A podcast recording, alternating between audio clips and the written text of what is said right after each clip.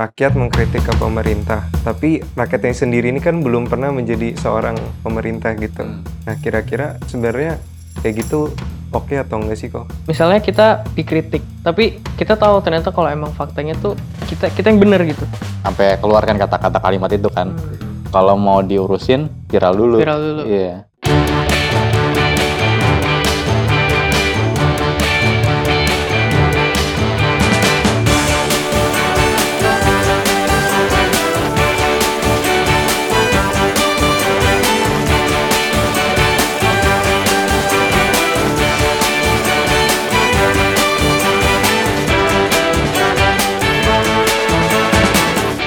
Oke kok, jadi belakangan ini tuh lagi ramai kasus salah satu WNI yang ngasih kritik ke pemerintah.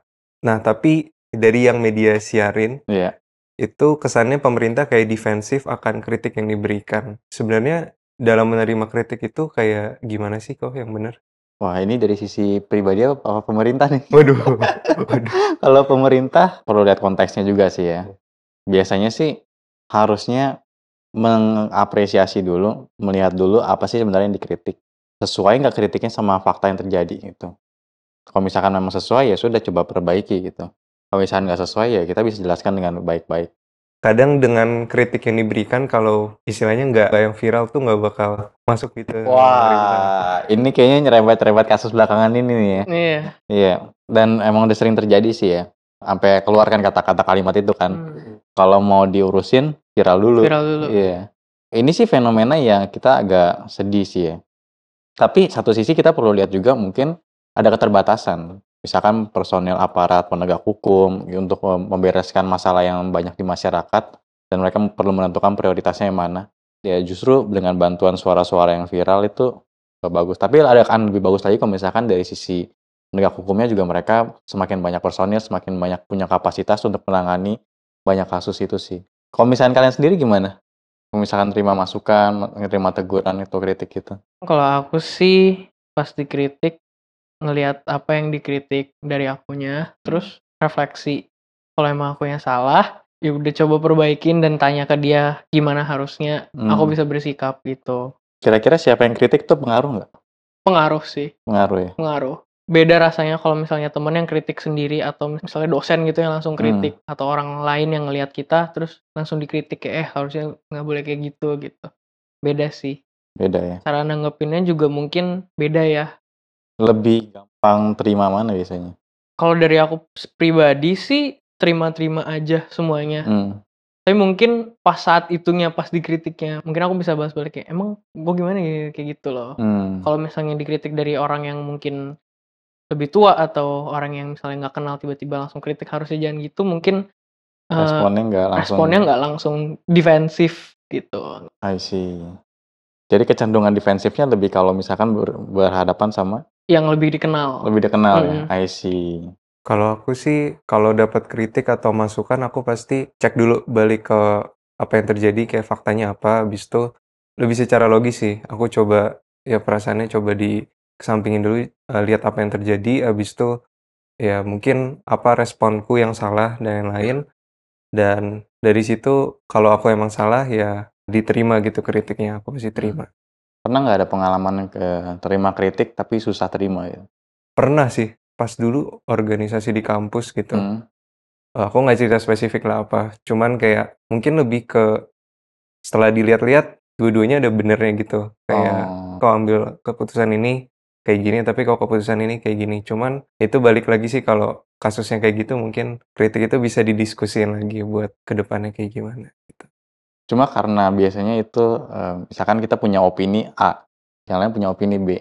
Terus kita pegang A, terus yang lain kritik. Terus kita bisa ngerasa terganggu gitu ya.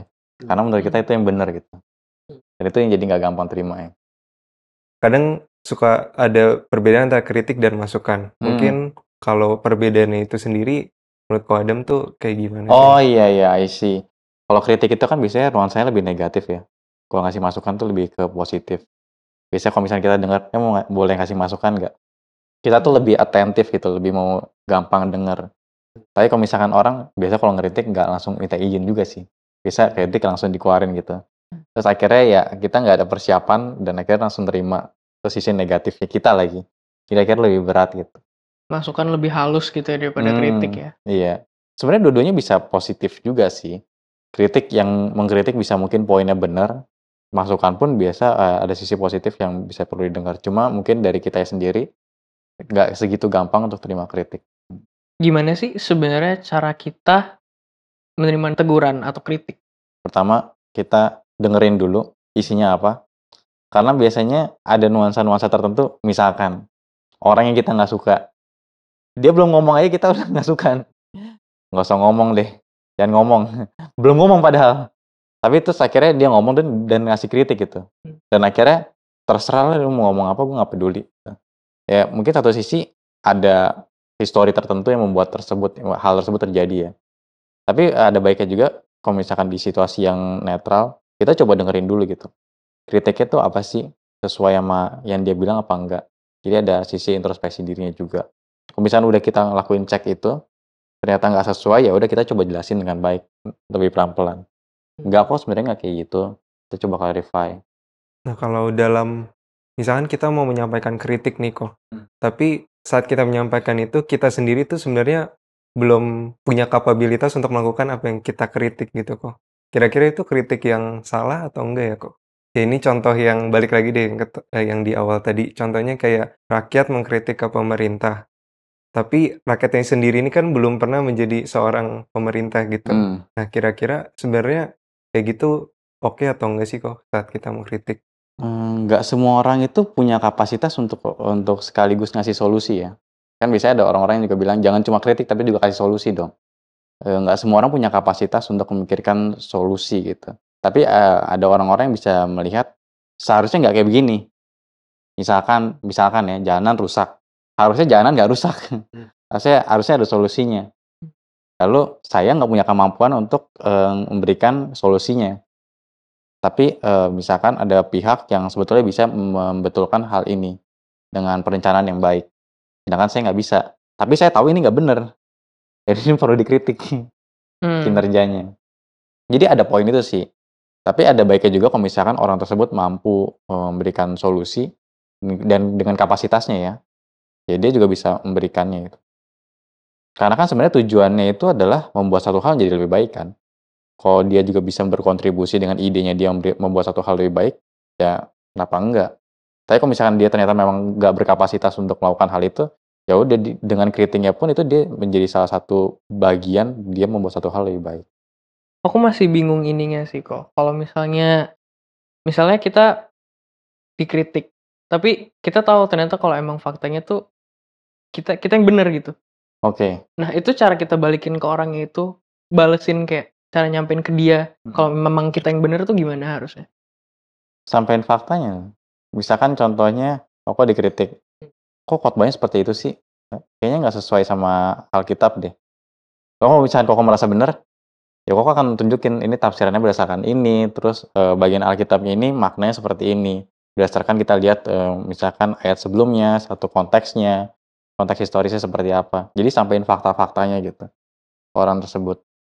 Kalau memang kita ngerasa bener ya. Hmm. Seringkali yang jadi permasalahan adalah, kita tahu salah, cuma karena pride, karena gengsi, Nggak akhirnya ngerasa akhirnya nggak mau. Gue tahu sih sebenarnya emang ada yang salah, cuma kan malu yang ngakuin salah ya. Hmm. Enggak kok, gue tetap bener kok.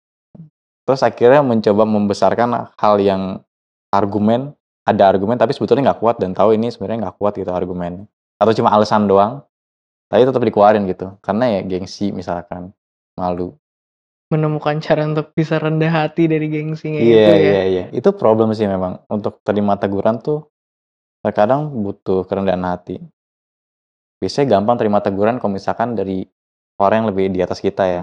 Tapi kalau misalkan terima teguran yang misalkan selevel Atau iya. atau bahkan kita ngerasa kita lebih baik daripada dia, kok lu ngasih teguran ke gua? Hmm. Siapa gitu. Hmm.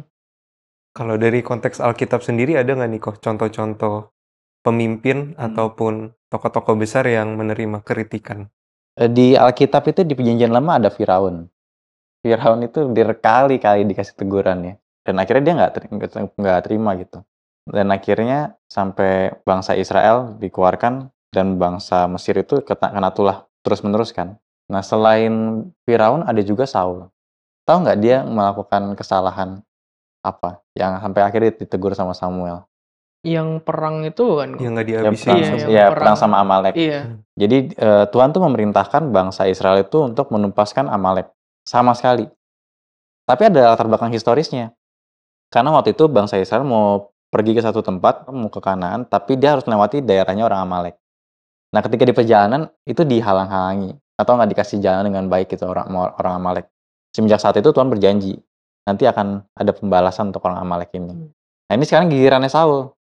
Tuhan kasih eh, Tuhan kasih perintah saatnya sekarang kamu habiskan tumpas habis baik eh, raja penduduknya bahkan sampai ternak-ternaknya juga dihabisin tetapi akhirnya Saul tuh nggak taat akhirnya dia agak itu tetap diselamatkan lalu ternak-ternaknya pun juga disimpan setelah itu Samuel datangin Saul pertamanya Saul datang dia kayak bersyukur gitu tapi Samuel dengan sedikit menyindir kok saya dengar kayak ada suara domba ada suara ternak ya itu suara apa ya oh iya itu bawa pulang dari perang nanti buat dipersembahkan kepada Tuhan gitu. Kayak alasannya bagus gitu ya. Tapi enggak, Tuhan enggak berkenan sama itu. Tuhan enggak berkenan sama korban persembahan ya Tuhan maunya itu ditumpas habis gitu. Nah episode sebelumnya ada juga satu lagi kesalahan. Oh. Kalau tadi kan peperangan sama Amalek kan, tapi ada lagi peperangan sebelumnya yang dia nggak taat juga. Akhirnya dia mempersembahkan korban. Oh, yang, Yang- tidak menunggu Samuel Nah, ya. iya, iya benar. Iya, iya, iya, Jadi iya. harusnya dia nungguin Samuel karena harusnya yang mempersembahkan korban adalah Samuel, Samuel. ya. Karena kan Samuel sebagai imam kan. Hmm. Tapi dia nggak sabar gitu. Dan akhirnya ditegur kan. Ditegur terus ya dia bilang, e, ini rakyat udah mulai kacau balau nih. Jadi daripada kacau balau ya udah aku yang pimpin sendiri. Hmm. Nah itu ditegur sama Samuel. Dan kita lihat responnya Saul adalah mengelak kan. Dia kasih alasan kan. Ya ada satu lagi contoh di dalam Alkitab yang kalau tadi kan kita bahas mengenai tokoh yang ditegur terus dia nggak terima. Ada Firaun, ada Saul. Ada juga tokoh yang ditegur dan dia akhirnya sadar akan kesalahannya dan dia menerima. Setelah itu dia minta ampun kepada Tuhan dan bahkan itu jadi satu mazmur sendiri dalam Mazmur 51. Itu adalah Daud. Ketika dia ditegur sama Nabi Nathan setelah dia berzina dengan. Bathsheba itu. Dia awalnya kan dimasuk ke dalam satu narasi kan sama Nabi Nathan. Ada seorang gembala lalu eh, dengan domba segala macam. Dan akhirnya ketika itu dimasuk ke dalam diri Daud, itulah kamu. Daud langsung sadar. Dan setelah itu dia menyadari kesalahannya dan dia bertobat itu. Ini satu respon yang bagus ya. Ketika kita sadar kritik dan teguran ini memang relevan, ini memang, memang valid. Saya memang salah. Kalau itu memang salah, ya udah kita akui dan bertobat di hadapan Tuhan. Dan ini ruang yang bagus ya. Dalam kehidupan kita ya kita nggak sempurna lah. Siapa sih dalam diri kita yang nggak pernah salah gitu. Tetapi permasalahannya bagaimana kita meresponi ketika kita salah. Bagaimana kita meresponi ketika kita ada orang yang menyadarkan kesalahan kita. Justru seharusnya kita melihat, oh orang ini dipakai sama Tuhan untuk menyadarkan kesalahan saya. Supaya saya bisa lebih baik lagi melayani Tuhan. Sama seperti yang Daud lakukan itu. Dan itu jadi contoh juga buat kita ya. Ketika kita diberikan satu perintah sama Tuhan, ada teguran, ya teguran kan banyak macam ya. Ada bisa dari teman kita, dari orang tua kita, dari sahabat kita gitu. Dari orang terdekat kita tuh kritikan biasanya lebih gampang masuk. Karena mereka yang kenal kita kan ya. Nah itu kita bisa ngeles. Kita bisa kasih alasan. Bahkan terkadang alasannya terkesan valid. Sama kayak Saul tadi. Iya. Buat kasih persembahan loh. Hmm. Masa Tuhan menghina persembahan sih? Enggak kan? Hmm. Tapi ternyata itu kan alasan. Ya sama, kita juga mungkin bisa melakukan hal yang sama kayak Saul. Dan Tuhan nggak berkenan sama hal itu. Jadi kita perlu koreksi hati juga sih. Gimana sih kok? Kalau misalnya kita mau hidup dengan rendah hati, itu gimana? Jadi rendah hati, caranya gimana ya? Apakah dengan kita compare ke atas? Oh ya, saya kan masih lebih rendah, masih ada lagi. Di atas langit masih ada langit. Hmm. Tapi di bawah saya juga masih ada lagi. Hmm. Kalau misalnya ke atas kita bisa rendah hati, apakah ke bawah kita juga tetap bisa rendah hati? Nah menariknya di Alkitab, ada yang posisinya sangat di atas, tapi dia memandang yang di bawah itu tuh bukan dengan sikap sombong. Bahkan dia mau jadi sama. Nah itu di Hmm. Alkitab kita bisa dapati di dalam Kristus. Nah pada bacain ya dalam Alkitab di- dari kitab Filipi. Pada bacain dari Filipi 2 ayat yang kelima. Hendaklah kamu dalam hidupmu bersama menaruh pikiran dan perasaan yang terdapat juga dalam Kristus Yesus, yang walaupun dalam rupa Allah tidak menganggap kesetaraan dengan Allah itu sebagai milik yang harus dipertahankan, melainkan telah mengosongkan dirinya sendiri dan mengambil rupa seorang hamba dan menjadi sama dengan manusia. Nah ini kan di dalam konteks kerendahan hati. Kalau misalkan kita baca di dalam ayat yang ketiga, ini dikatakan dengan tidak mencari kepentingan sendiri atau pujian yang sia-sia, sebaliknya hendaklah dengan rendah hati yang seorang menganggap yang lain lebih utama daripada dirinya sendiri.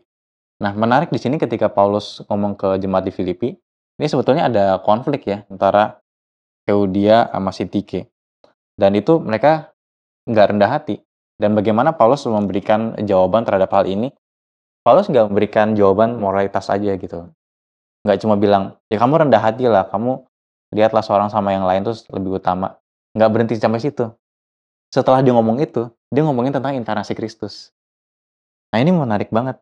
Karena ketika Kristus turun, dia itu dari posisi yang paling tinggi. Tapi ketika dia turun ke dalam dunia ini, dia mengosongkan diri dan mengambil rupa seorang hamba. Dia bisa nggak ngambil rupa seorang raja? Bisa. Bisa kan ya? Bisa kan ya? Tapi kenapa dia nggak ambil ya?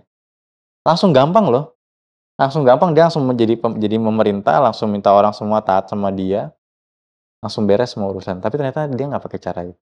Dia jadi hamba. Bahkan sampai mati di atas kayu salib. Ini kerendahan hati Kristus gitu. Di mana dia turun inkarnasi. Dan bukan cuma di inkarnasinya aja ternyata.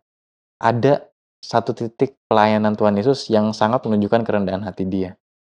Kayak ada yang ring a bell? Oh, yang membasuh kaki. Yes, Oh. yes. Dia membasuh kaki murid-muridnya. Oh, Termasuk yang nanti akan menyangkal dia. Dia mencuci kaki itu bukan suatu tindakan yang sembarangan ya. Itu suatu tindakan yang hanya dilakukan oleh budak.